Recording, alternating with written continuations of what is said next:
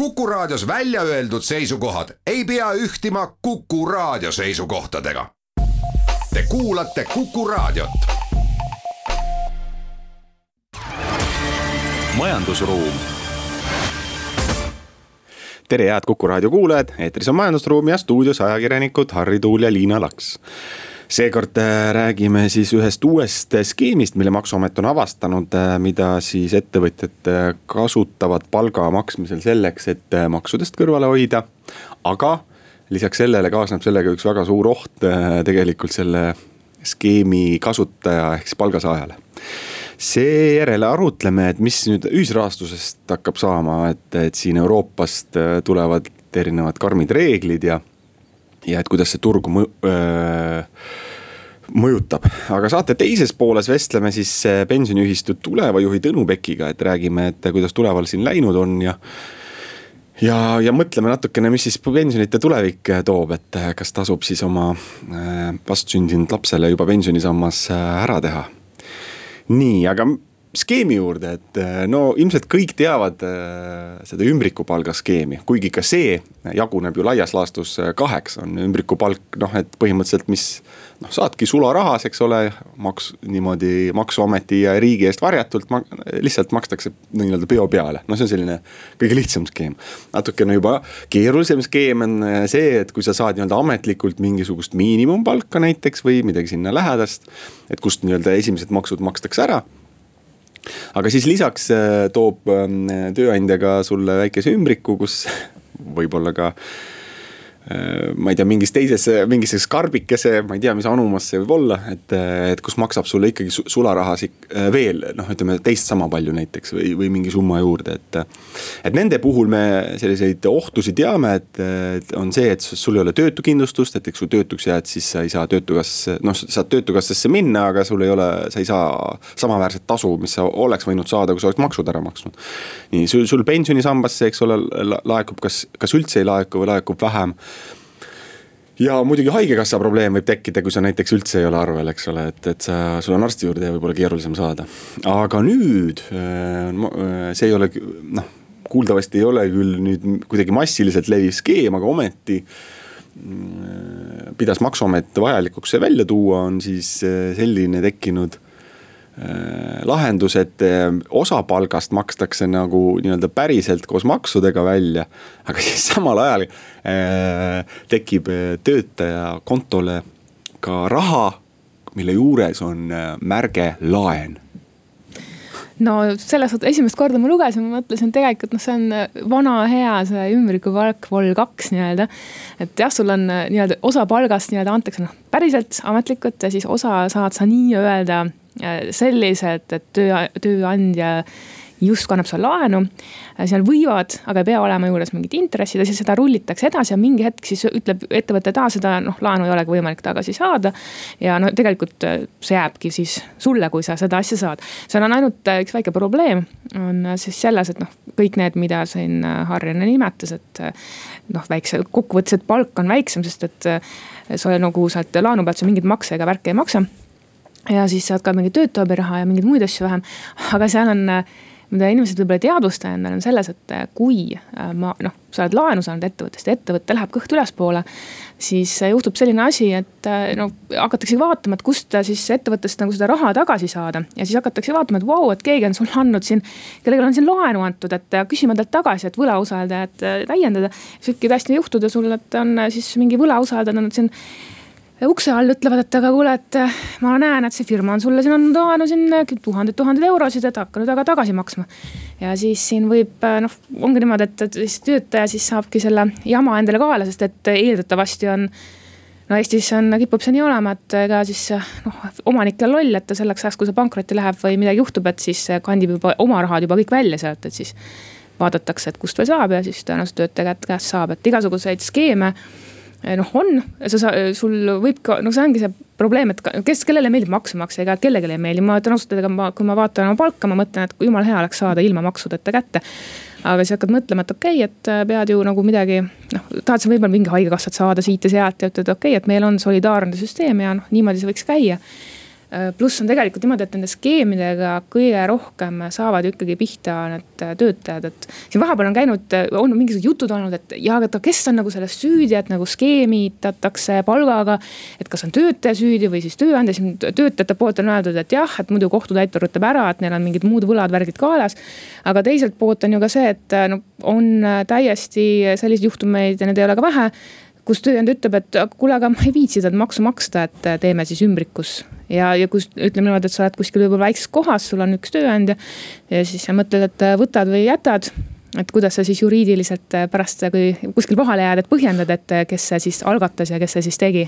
noh, maksuvõit on ju lihtsalt meeldetuletuseks on ju noh, üüratult suur, eks, et, et, et kusagil noh, ütleme teoreetiliselt, et kusagil suurusjärk on selline, et kui sa saad tuhat eurot kätte Äh, et siis see maksukoormus on seal äh, kusagil tuhat kuussada, tuhat seitsesada eurot, eks ole. ehk siis see tuhande eurone laenu, nii-öelda fiktiivse laenu tekitamisel tekib äh, noh, osa, mõlemal osapoolel noh, maksu noh, jutumärkides jällegi võit peaaegu et seal kuussada, seitsesada eurot, et, et noh. et, et, et selles mõttes on mõte äh, arusaadav, aga Äh, aga jah, see risk on, mulle tundub, on nagu ebavõrdne, et äh, see risk on just töötajate, töötaja poole kaldu, et noh, tööandja äh, on juri-, juriidiline isik, et ta on piiratud vastutusega, eks ja. ole, et, et seal on see inimene, kes seal on, ega tema noh, ütleme see juht või omanik, ta vastutab ainult osaliselt Äh, noh, piiratult äh, nende tegude eest nii-öelda, mis see juriidiline, nii-öelda juriidiline isik teeb, et seevastu töötaja, eks ole, kui tal seal tõesti laen on. ja pankrotihaldur tuleb sinna sisse või keegi ja leiab need laenud, noh, tal, ta ei saa nagu ka silma ju kinni pigistada, tal on seadusega ette nähtud Äh, leida, äh, kohustus leida kõik need nii-öelda võimalused üles, et võlausaldajatele need äh, rahad tagasi tuua. aga teistpidi tõepoolest on te tegelikult täitsa selline filosoofiline mõnes mõttes ja regionaalpoliitiline küsimus meil. mida võiks Eestis ei tahe, noh ei kuidagi noh, ei, ei tõusetu, aga millele sa viitasid, et kui inimesed elavad näiteks maakohtades või sellistes natukene vähe, majanduslikult vähem aktiivsetes kohtades, siis võibki tekkida niimoodi. et ühelt poolt võibki tekkida niimoodi, et sa ei saa tööle, kui sa ei nõustu, eks ole, mingisuguse skeemiga aga teistpidi ka need ärid ei saa tegutseda, kui et noh, et see maksukoormus on tege-, noh, on üsna, üsna kopsakas. ja nüüd mõelda, et kui me tahaksime näiteks hoida seda elu maal, et kas teha et noh, et kas nad peavad neid skeemitama noh, reaalselt on olnud niimoodi, et, et, et, et maksuamet on läinud sisse või hakanud nõudma mingisuguseid järje, järjekordseid noh, väga, väga hakanud väga täpselt nõudma neid maksude maksmisi. ja need ärid on ära hääbunud ja need inimesed on ära kolinud, noh, mingitest nendest piirkondadest, et noh, seal on noh, selline. täitsa selline probleem, mida arutada, et võib-olla kui neil oleks mingisugune mehhanisme, mis toetaks neid ettevõtteid seal, kas siis ja üks, üks võimalus on natuke väiksem maksukoormus, noh teine asi on, et kuidas juriidiliselt seda kontrollida, et kas ta päriselt seal, eks ole, tegutseb seal kusagil, ma ei tea, mõisakülas, eks ole, või või on mingi Tallinna ettevõte sinna maksusoodustusega registreeritud, noh, see on omaette küsimus. aga see probleem sellisena on olemas, et maksukoormus on nii kõrge, et inimesed kolivad ära äh, näiteks Tallinna, kus nad saaks siis kõrgema palga ja see maksu, maks, maks ei oleks siis nii suur probleem. kusjuures ma olen pikalt mõelnud, et tegelikult Eestis on ju see häda, et äh, vaata, kui sa vaatad nagu tööjõumakse, siis need on ebaproportsionaalselt kõrged äh, võrreldes kasumimaksuga. et iseenesest noh, see on ju nagu siin on osad ka öelnud, et see on nüüd noh, tänapäeva orjus, et reaalselt, kui sa mõtled, et sa lähed tööle, eks ole, sina maksad, eks ole. see ongi niimoodi, et sa hakkad nagu nii-öelda tööd tegema, siis sina maksad siis riigile, tööandja maksab riigile. ja lõpuks on ka niimoodi, et aga probleem on selles, et kasum kui selline, eks ole, jääb ettevõttesse, ettevõte saab sealt oma selle protsendi ju vaata kätte, kui ta kasumlikult, eks ole, teeb, aga sinul nagu töötajana tegelikult jäävad ju kõik riskid üles. et tegelikult võiks ju tegelikult just seda palga nagu palgaga seotud makse võiks vähendada, siis kuskilt mujalt võetud makse nagu suurendada. et kui ja keegi ütleb, et siin hakatakse tegema skeemi skeeme, ma olen sada protsenti nõus. skeeme tehakse ka nüüd ja praegu, et see on ju noh, ausalt öeldes see, et kuidas kärutada Eestist ja maksuameti silme alt oma kasumit välja, no tead, sinna, kui läheb enne issanda päike looja, kui saaks need kõik äh, üles loetletud ja nimetatud. aga no, no ütleme niimoodi, tavainimesel oleks niimoodi lihtsalt lihtsam. jätkame maksuteemaga pärast väikest pausi. majandusruum jätkame saatega, stuudios ajakirjanikud Harri Tuul ja Liina Laks ja rääkisime siin ähm, tööjõumaksudest, et äh, korra veel selle juurde, teema juurde tagasi tulles, siis tõepoolest, et see on ka üks teema, mida ütleme pikemas plaanis arutada kindlasti. on see, et eks Eestil on, Eestis on maksus, väga suur maksusoodustus on reinvesteeritud kasumile. Ehk siis, aga selle all väga suures ulatuses mõeldakse ju noh, raha läheb kas seadmetesse või mingi või Äh, või, või betooni, eks ole, mitte inimestesse, eks seevastu inimesed ehk siis kõige, mõnes mõttes ka kõige kallim vara. et on väga suurelt maksustatud, et seal need, seda küsimust võiks ka tegelikult ühiskonnas arutada mõne teise küsimuse asemel, mida me siin kirglikult iga päev suurtest väljaannetest loeme. aga tegelikult nüüd, kui see teema kokku võtta, et kui me vaatame nagu statistiliselt võrdleme kasvõi siin Baltimaade sees või niimoodi, siis eestlased on ikkagi valdavalt väga maksukuulekad ja korralikud, rääkimata siin, kui siin Lõuna-Euroopasse või ja ma üldse teisest, teistest maailma osadest ei räägigi, et eestlased on tegelikult eh, üldiselt tublid maksumaksjad ja selles osas eh, teinekord see selline väga, väga selline näpuga näitamine mingisuguste juhtumite pihta. noh, tundub isegi ebaõiglane, aga lähme nüüd järgmise teema juurde, et eh, selline kahjuks selline väga riski aldis koht on ju ühisrahastus, et mis siin tekkis siis millalgi siis suurem laine, ma pakun, et eh, vist pärast seda viimast suuremat kriisi kuskil ka eelmise kümne või selle ma ei tea, kas jooksva kümnendi alguse poole, et. Eh, ega seal oligi, et tegelikult esimesed ühisrahastusportaalid tekkisid eh, noh, niimoodi vahetult enne kriisi, aga tegelikult tõeline buum läkski pärast seda kriisi lahti. sest pangad ei andnud enam laenu, et kuskilt ei saanud, ettevõtted ei saanud, eraisikud ei saanud ja siis ettevõtlikud inimesed ütlesid, et aga me anname. et protsendid olid seal väga kõvad, on siiani tegelikult väga kõvad, et noh, see on nagu põhimõtteliselt ütleme ausalt, see on nagu kiirlaen. jah, aga see sektor on noh, ütleme mingi hetk kusagil hakkas ikkagi väga kiirelt buumima, et äh, on need siis vahetult laenud või investeeringud kinnisvarasse või on siin ma ei tea, isegi veinidesse ja iga, igale poole, igale, igale põhimõtteliselt ei ole valdkonda, äh, kuhu ei saa investeerida ja veel enam, on tekkinud sellised portaalid, kus sa saad investeerida erinevatesse ühisplatvormidesse nagu korraga, ehk siis nii-öelda metatasand või ütleme selline järgmine tasand, et. aga eh, mis on seal nagu kah kaasneb, et eh, nähe on see, et, et see sektor on suhteliselt peaaegu reguleerimata ehk siis mõnes mõttes natukene võrreldav ka nagu võib-olla äh, hoiu-laenuühistutega, kuigi seal on mingid regulatsioonid, aga, aga seal selliseid järelevalveorganeid ei ole, et. ja eks on siin oodatud, et sealt käib mingi pauk ära, aga mulle tundub, et nüüd on hakatud, äh, võetud ette siis kõik valdkonnad, et laenuühistud ja ühisrahastused ja, aga ka ühisrahastust hakatakse nüüd reguleerima, et sina leidsid sealt selliseid noh, huvitavaid asju, et mis siis, mis siis seal äh, teistmoodi hakkab olema või mis, äh, mida reguleerima hakatakse? no see, et sa vaata ütled kõigepealt, et noh, pauku pole näinud, äh, siin väiksed paugud käivad, et just Eestis, et meil on nagu neid juhtumeid olnud ikka riburada pidi viimasel ajal, kus siis no inimesed on registreerinud ühisrahastustegevuse Eestisse, sest Eestis on suhteliselt reguleerimata ja siis äh, registreeritakse, korjatakse investoritelt raha ja siis pannakse siis nelja tuule poole ajama. ja siis äh, noh, mis siis lehtedes seisab, on see, et Eesti portaal tegi. aga tegelikult tüübid olid noh, näiteks lätlased või kes iganes. et äh, ja siis ma mäletan, et keegi vist tegi ka loo ka, et olidki lätlased, jäid ka vahele mingi skeemiga siin Eestis.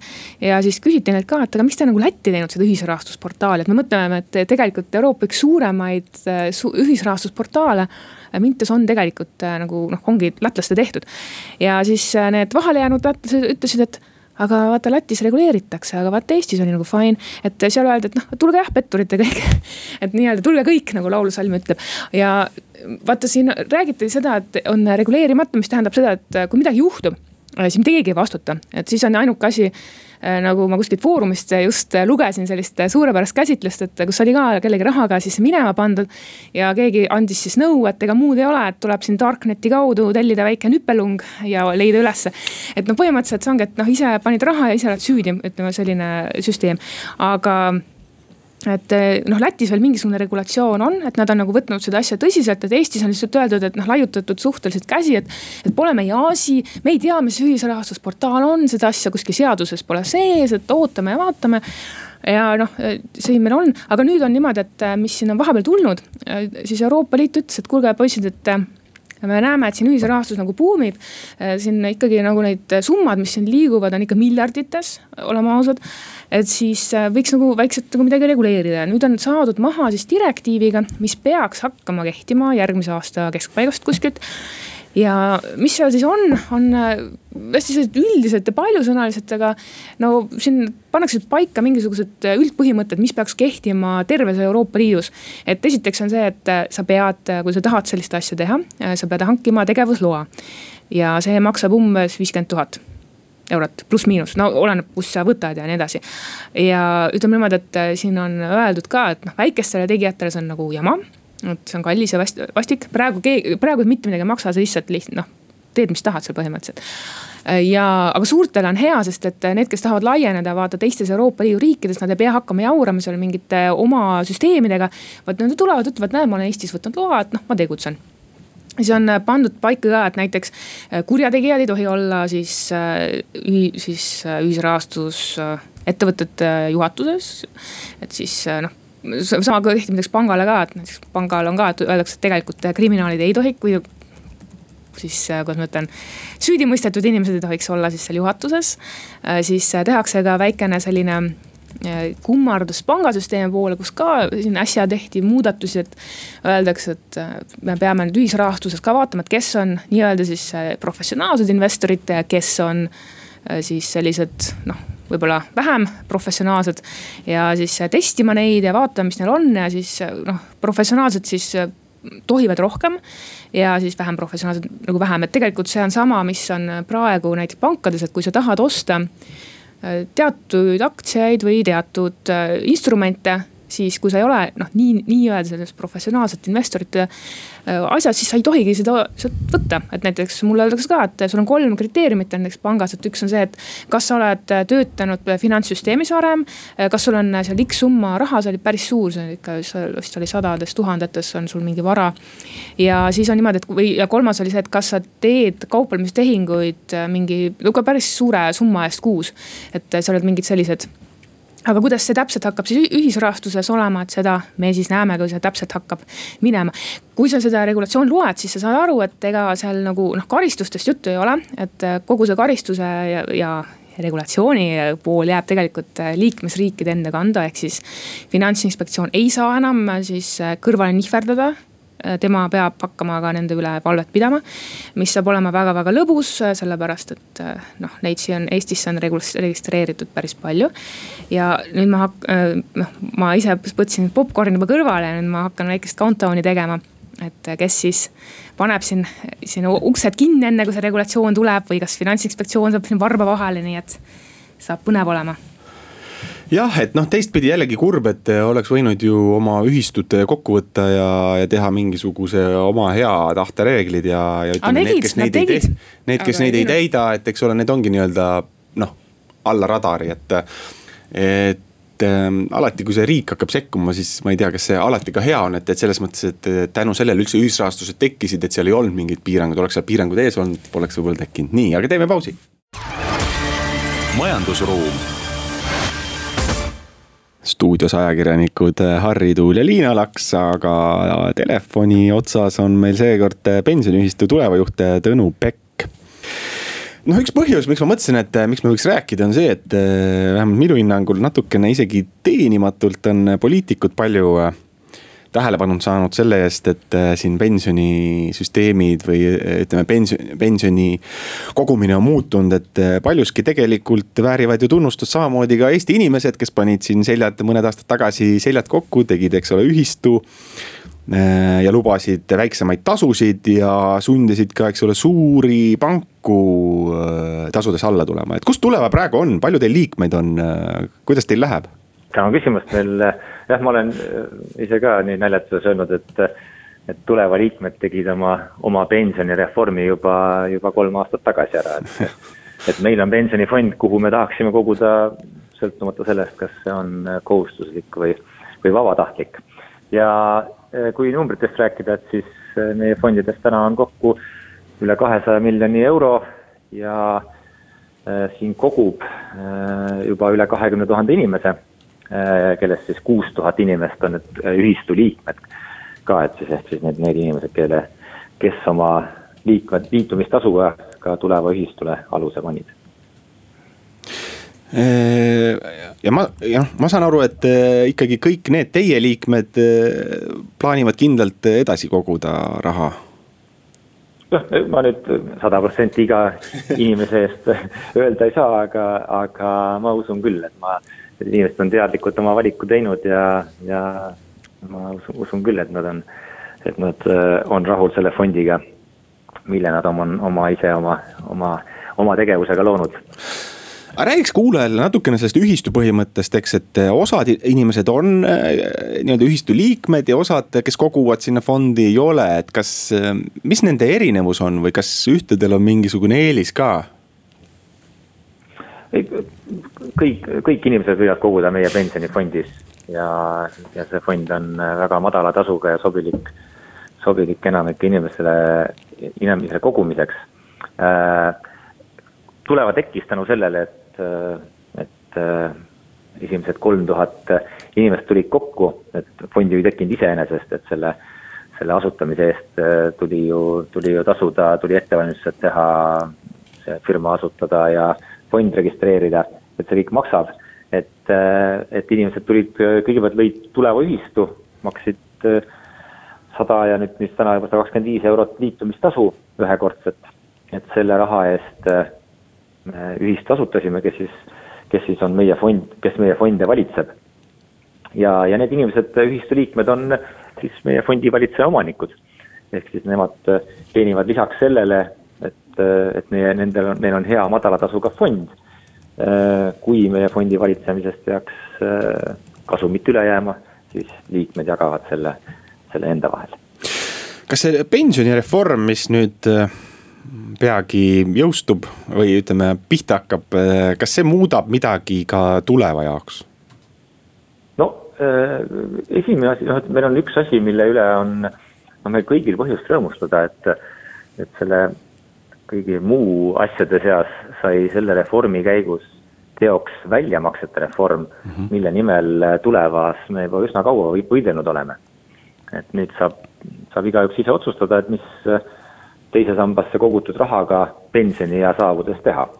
et enam ei, seadus ei käsi meil osta kohustuslikku pensionikindlustuslepingut mm. -hmm. see annab, see on ikkagi suur rahaline võit, et ma julgen küll hinnata, et et kindlustuslepingutega seotud kuludeks ja tasudeks on seni kulunud ikka vähemalt viiendik pensionile jääjate teise samba varast. et see, äh, see on asi, mis ühesõnaga teine sammas muutus meie jaoks paremaks aga, aga vaada... see iseenesest, et, et mida, et kas tulevane midagi teistmoodi teeb, see, et me, nagu ma ütlesin, meie, meie fondid olid, olid juba enne sellised, kuhu me oleks tahtnud koguda pensionireform või mitte pensionireform ja, ja sama, jätkame, jätkame ka edaspidi. aga kas ütleme selline, kui turule natuke laiemalt vaadata, kas selline võit, noh, ütleme Äh, ma ei tea, siis selline pensionikogujate veenmine või ütleme, nende pärast võitlus võiks kuidagi kasvada või ütleme, rohkem pilti tulla? ma arvan, et äh, kas, kas pensionikogujate veenmine, no ma usun, et kui süsteem on selline, millest on võimalik aru saada, siis, siis inimesed sellest ka aru saavad ja, ja, ja kui, ja siis nad saavad aru sellest, kas see on nendele kasulik või mitte. et, et ma ei usu, et see veen-, veenmine kuhugi viiks, et juhul, kui kui süsteem ei ole inimestele kasulik äh,. noh, tõenäoliselt, noh, selles mõttes, et ma, ma, ma ise küll väga loodan, et nüüd, et see, et, et, et nüüd seoses pensionireformiga ei, ei vallandu mingisugune hirmus veeni, veenmine ühes ega teises suunas. kindel ei saa olla, eks see oht on, et kui, kui inimestel on võimalus raha välja võtta, siis küllap tekib, tekib ka igasuguseid veenjaid, kes püüavad kuskil äh, Äh, inimesi suunata raha panema nendesse kohtadesse, kus tasud ei ole reguleeritud. nimelt noh, pensionifondides meil on siiski üsna märkimisväärne areng on toimunud siin viimaste aastate jooksul ja, ja riik on sundinud äh, panku äh, ligi siin kaks korda vähemalt tasusid alandama. et väljaspool pensionifonde kahjuks seda toimunud ei ole, et ja seal on noh, kas või juba kolmandas sambas või, või rääkimata muudest investeerimisfondidest, on tasud ikka väga kõrged. ja, ja tihtipeale ka varjatud.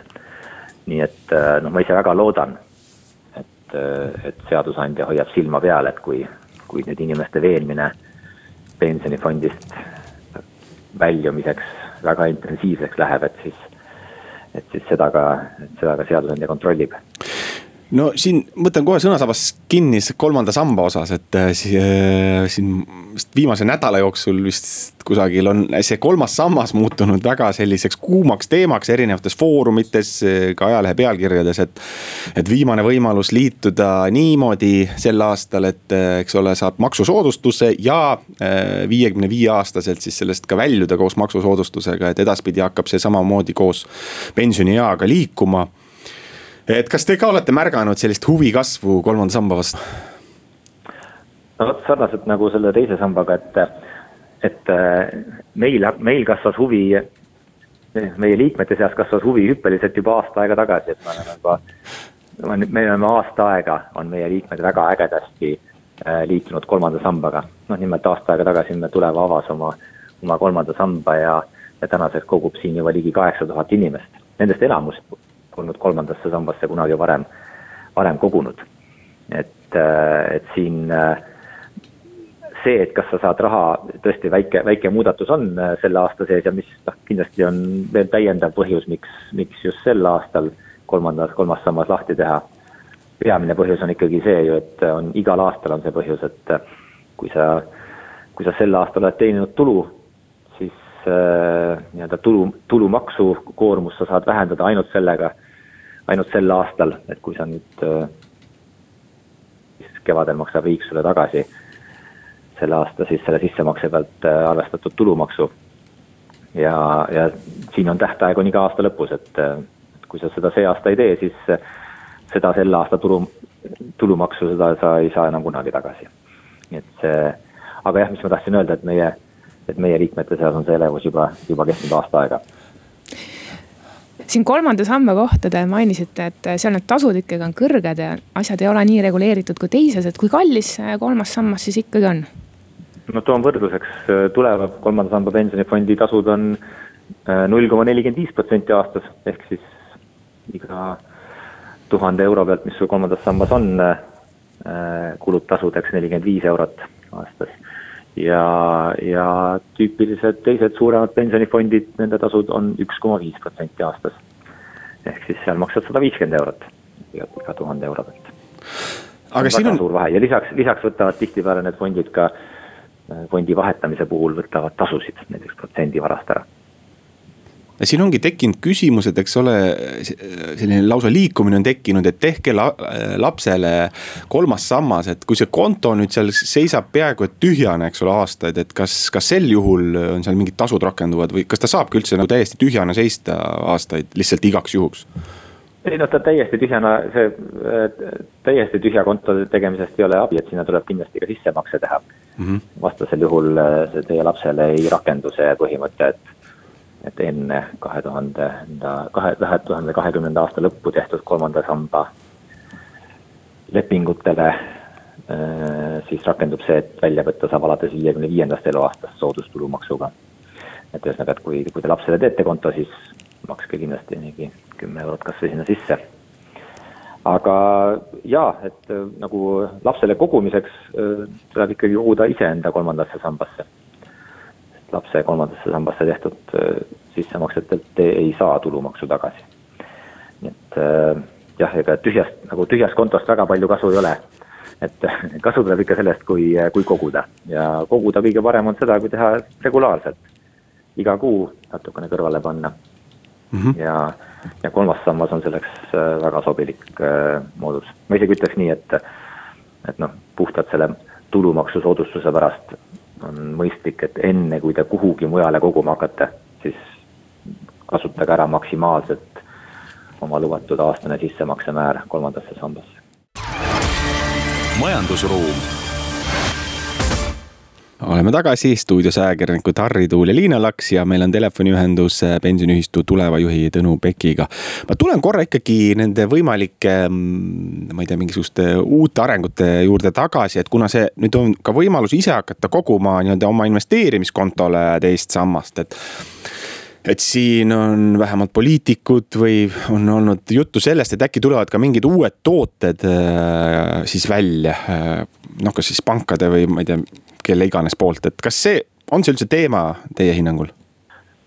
jah, seda, kas, kas pangad hakkavad uusi tooteid tegema, kahtlustan küll, et ju nad, ju, ju nad teevad ikka, mida rohkem, mida rohkem tooteid, seda kindlasti, seda rohkem saab asju müüa meie tulevas pensionireformi pärast ei, ei plaani hakata uusi tooteid tegema, et noh, nagu ma ütlesin, me tegime, me tegime fondi juba kolm aastat tagasi sellise, kuhu me tahaks koguda sõltumata nüüd pensionireformist ja ei, ei, ei plaani siin muutusi teha. No juttu on hästi palju sellest teisest ja kolmandast sambast, aga kui me vaatame nüüd pikemat tulevikku, mis sellest esimesest sambast võiks saada, et eh, siin oli ju siin mõned aastad tagasi, kui seal ka muudeti nii-öelda neid staaži ja, ja palga osakaalu, et siis äh, oli ju väga selgelt kaalumisel see, et see muutub selliseks solidaarseks sambaks, äh, kus siis kogu noh, põhimõtteliselt on sada protsenti sõltub sinu staažist, et äh, kas see teema võib kunagi tagasi tulla? no nüüd, kui esimese samba seadust muudeti, siis, siis küsiti ka meilt kommentaare ja üsna sarnane kommentaar oli meil ka esimese samba muutmise ettepanekutele, et, et noh, kas solidaarne või mitte, et ka, ka esimene sammas peab olema lihtne ja inimene peab olema ilma erikoolitust läbimata olema võimeline aru saama, et millal ta pensionile läheb ja kui palju ta pensionit saama hakkab sealt esimesest sambast. nii et noh, ma arvaks, et siin on nagu, nagu suurem tähtsus on ikkagi sellele, et see süsteem oleks arusaadav. ja, ja noh, mul isiklikult ei ole midagi solidaarsema süsteemi, süsteemi vastu, et aga, aga ennekõike see, et, et seda, noh, seda kõike saavutada saaks, võiks saada sellisel kujul, et see oleks äh, inimesele arusaadav. et täna on tõesti esimene sammas on arusaadav ainult väga väiksele ringkonnale Äh, konkreetselt selle alaga töötavatest spetsialistidest. ja see takistab lihtsalt nagu, on väga raske ka kaasa rääkida. et, ähm, et kui, kui ei ole võimeline, kui normaalne inimene ei ole võimeline aru saama, et kui suur see esimene sammas saab siis olema mul siin muidugi me praegu räägime hästi palju pensionist äh, ja nüüd sellest muutusest, mis praegu tuli. aga selge on see, et ega ainuüksi kogumine inimest rikkaks ei tee, et sa võid sealt palgast ju panna seda protsenti kõrvale. ta tiksub seal indeksis edasi, aga noh, teil endal on ju ka pensionini jupp aega minna, et kas te panustate pigem sammastele või pigem ettevõtlusele või kust te loodate kõige seda niinimetatud väärikat pensionipõlve siis saada? Noh, eks mõistliku inimesega ma panustan, et milleks valida, et ma panustan kõigile asjadele. aga noh, ikka kui rääkides nüüd nagu pensioni teisest ja kolmandast sambast, siis, siis nagu noh, ükskõik mida tulevik toob. siis nagu ajalugu on ikkagi näidanud, et, et tulevikus on parem nendel, kellel on kapitali kogunud, võrreldes nendega, kellel kapitali ei ole kogunenud ja minu meelest teine ja kolmas sammas on nagu väga lihtne viis, kuidas noh, praktiliselt märkamatult, et noh, tee see endale hästi automaatseks. Äh, teine sammas on juba automaatne, tee kolmas sammas ka automaatselt, palgapäeval läheb äh, summa madala kuluga indeksifondi. Ja, ja, ja kindlasti on sulle siis, on sul tulevikus rohkem valikuid. see, see, see ei garanteeri veel midagi, noh, kes seda teab, mis raha väärt on ja kes seda teab, mis vajadused sul üldse on. Võib-olla sa ei lähegi kunagi pensionile, aga kindlasti on su valikud suuremad, kui sul on kapitali ja, ja nüüdne pensionireform tegi ühe hea asja vähemalt selle, selle, et, et selle kapitali kasutamisele ka teises sambas ei ole enam mingit piirangut, kui sa oled jõudnud, kui sa oled jõudnud pensioniikka. aga kui me vaatame siin lähiriikidesse, et ähm, noh, kas on, millised süsteemid seal on kasutusel, et te kindlasti olete vaadanud, et te, kuidas ja. nad toimivad? no edukad riigid, äh, kus on äh, hea pensionisüsteem, ehk siis kus äh, inimesed pensionile minnes saavad väga head sissetulekut. on ikkagi märganud seda, et, et see, et et, et inimesed koguvad pikaajaliselt siis, kui see on tehtud neile hästi lihtsaks ja automaatseks. et edukad riigid nagu näiteks Rootsi või, või Soome või, või Holland, et suunavad oma kodanike rahast väga märkimisväärse tüki automaatselt väga madala kuluga fondidesse ja, ja üldiselt ei raisata aega selle peale, et inimesi mööda kuskil kaubanduskeskuseid või pangakontoreid äh, taga ajada ja siis ühest kõrge tasuga pensionifondist teisi jooksutada. Et äh, süsteemi disain näeb ette, et, äh, et meil on vaikimisi valik madala kuluga fond ja, ja sinna läheb automaatselt väga suur tükk inimese palgast, no näiteks Soomes üle kahekümne protsendi ja Hollandis. ja, ja ongi kõik. inimene ei pea, ei pea sellega tegelema igapäevaselt, ei pea vastama pangakontoris küsimusele, et kus su, kus su teine sammas on. ja pensionile minnes avastavad nad enamasti rõõmuga, et noh, täitsa tore summa on kogunenud siin aastaid peeti ju sõda ka pankade kõrgete teenustasude vastu siin vahepeal need tasud on ka omajagu alla läinud. aga kui nüüd võrrelda teiste riikidega, siis kas me nüüd oleme lõpuks odavad või on meil ikkagi seal noh, omajagu minna? on ikka väga palju minna, no näiteks Rootsi riiklik pensionifond, nende tasud on null koma üksteist protsenti aastas. ja meie pensionifondid on ikka seal pigem ühe protsendi lähedal, et ligi kümnekordne vahe, et no üks teema veel on ju see tööandja pension, et see kuidagi selle reformi käigus kuidagi ei tõstatunudki, et kas see on ka mingi asi, mida me peaks tegelikult Eestis arutama või tõs-, või tekitama nagu kuidagi suurema motivatsiooni selles suunas. Kas see võiks olla näiteks mõne tööandja eelis, eks ole, et äh, pakkuda sellist, et praegu ei tundu see nii olevat no minu arust eh, noh, võiks alustada nagu lihtsatest, eh, noh, meil on juba, kolmas sammas on juba väga suure maksueelisega mm -hmm. säästmisviis. ja tööandjal on seal suur roll, võiks olla väga suur roll aidata oma töötajatel hakata äh, säästma kolmandasse sambasse. ja nagu ma ütlesin, nagu inimesed säästavad pikaajaliselt siis, kui see on tehtud neile lihtsaks ja automaatseks ja see on see asi, mida tööandja saab teha. et äh, no näiteks inimesed, meil on küll vähe töötajaid, aga inimesed, kui tulevad tulevasse tööle, siis äh, juba automaatselt töölepingusse paneme sisse, et, äh, et näed, pane linnuke siia ja näiteks viis või kümme protsenti või viisteist protsenti sinu palgast hakkab automaatselt minema kolmandasse sambasse. Et selline pisikene nagu nüke, ma arvan, suurendaks äh, kolmandas sambas kogujate ja inimeste nagu noh, üldse inimeste, kes teevad pikaajaliselt, säästavad nende hulka kordades. et see on, et see jällegi, see ei ole raketiteadus, seda on nagu kõik riigid on näinud, et, et kui see teha automaatseks, siis inimesed koguvad. kui inimene peab minema ise kuhugi pangakontorisse või hakkama pensionikeskuse lehel sobrama, et mida ma nüüd tegema pean, siis ta ei hakka säästma selge, aga aitäh, äh, pensioniühistu tuleva juht äh, Tõnu Pekk. stuudios olid ajakirjanikud Harri Tuul ja Liina Laks. kohtumiseni majandusruumis järgmisel nädalal. majandusruum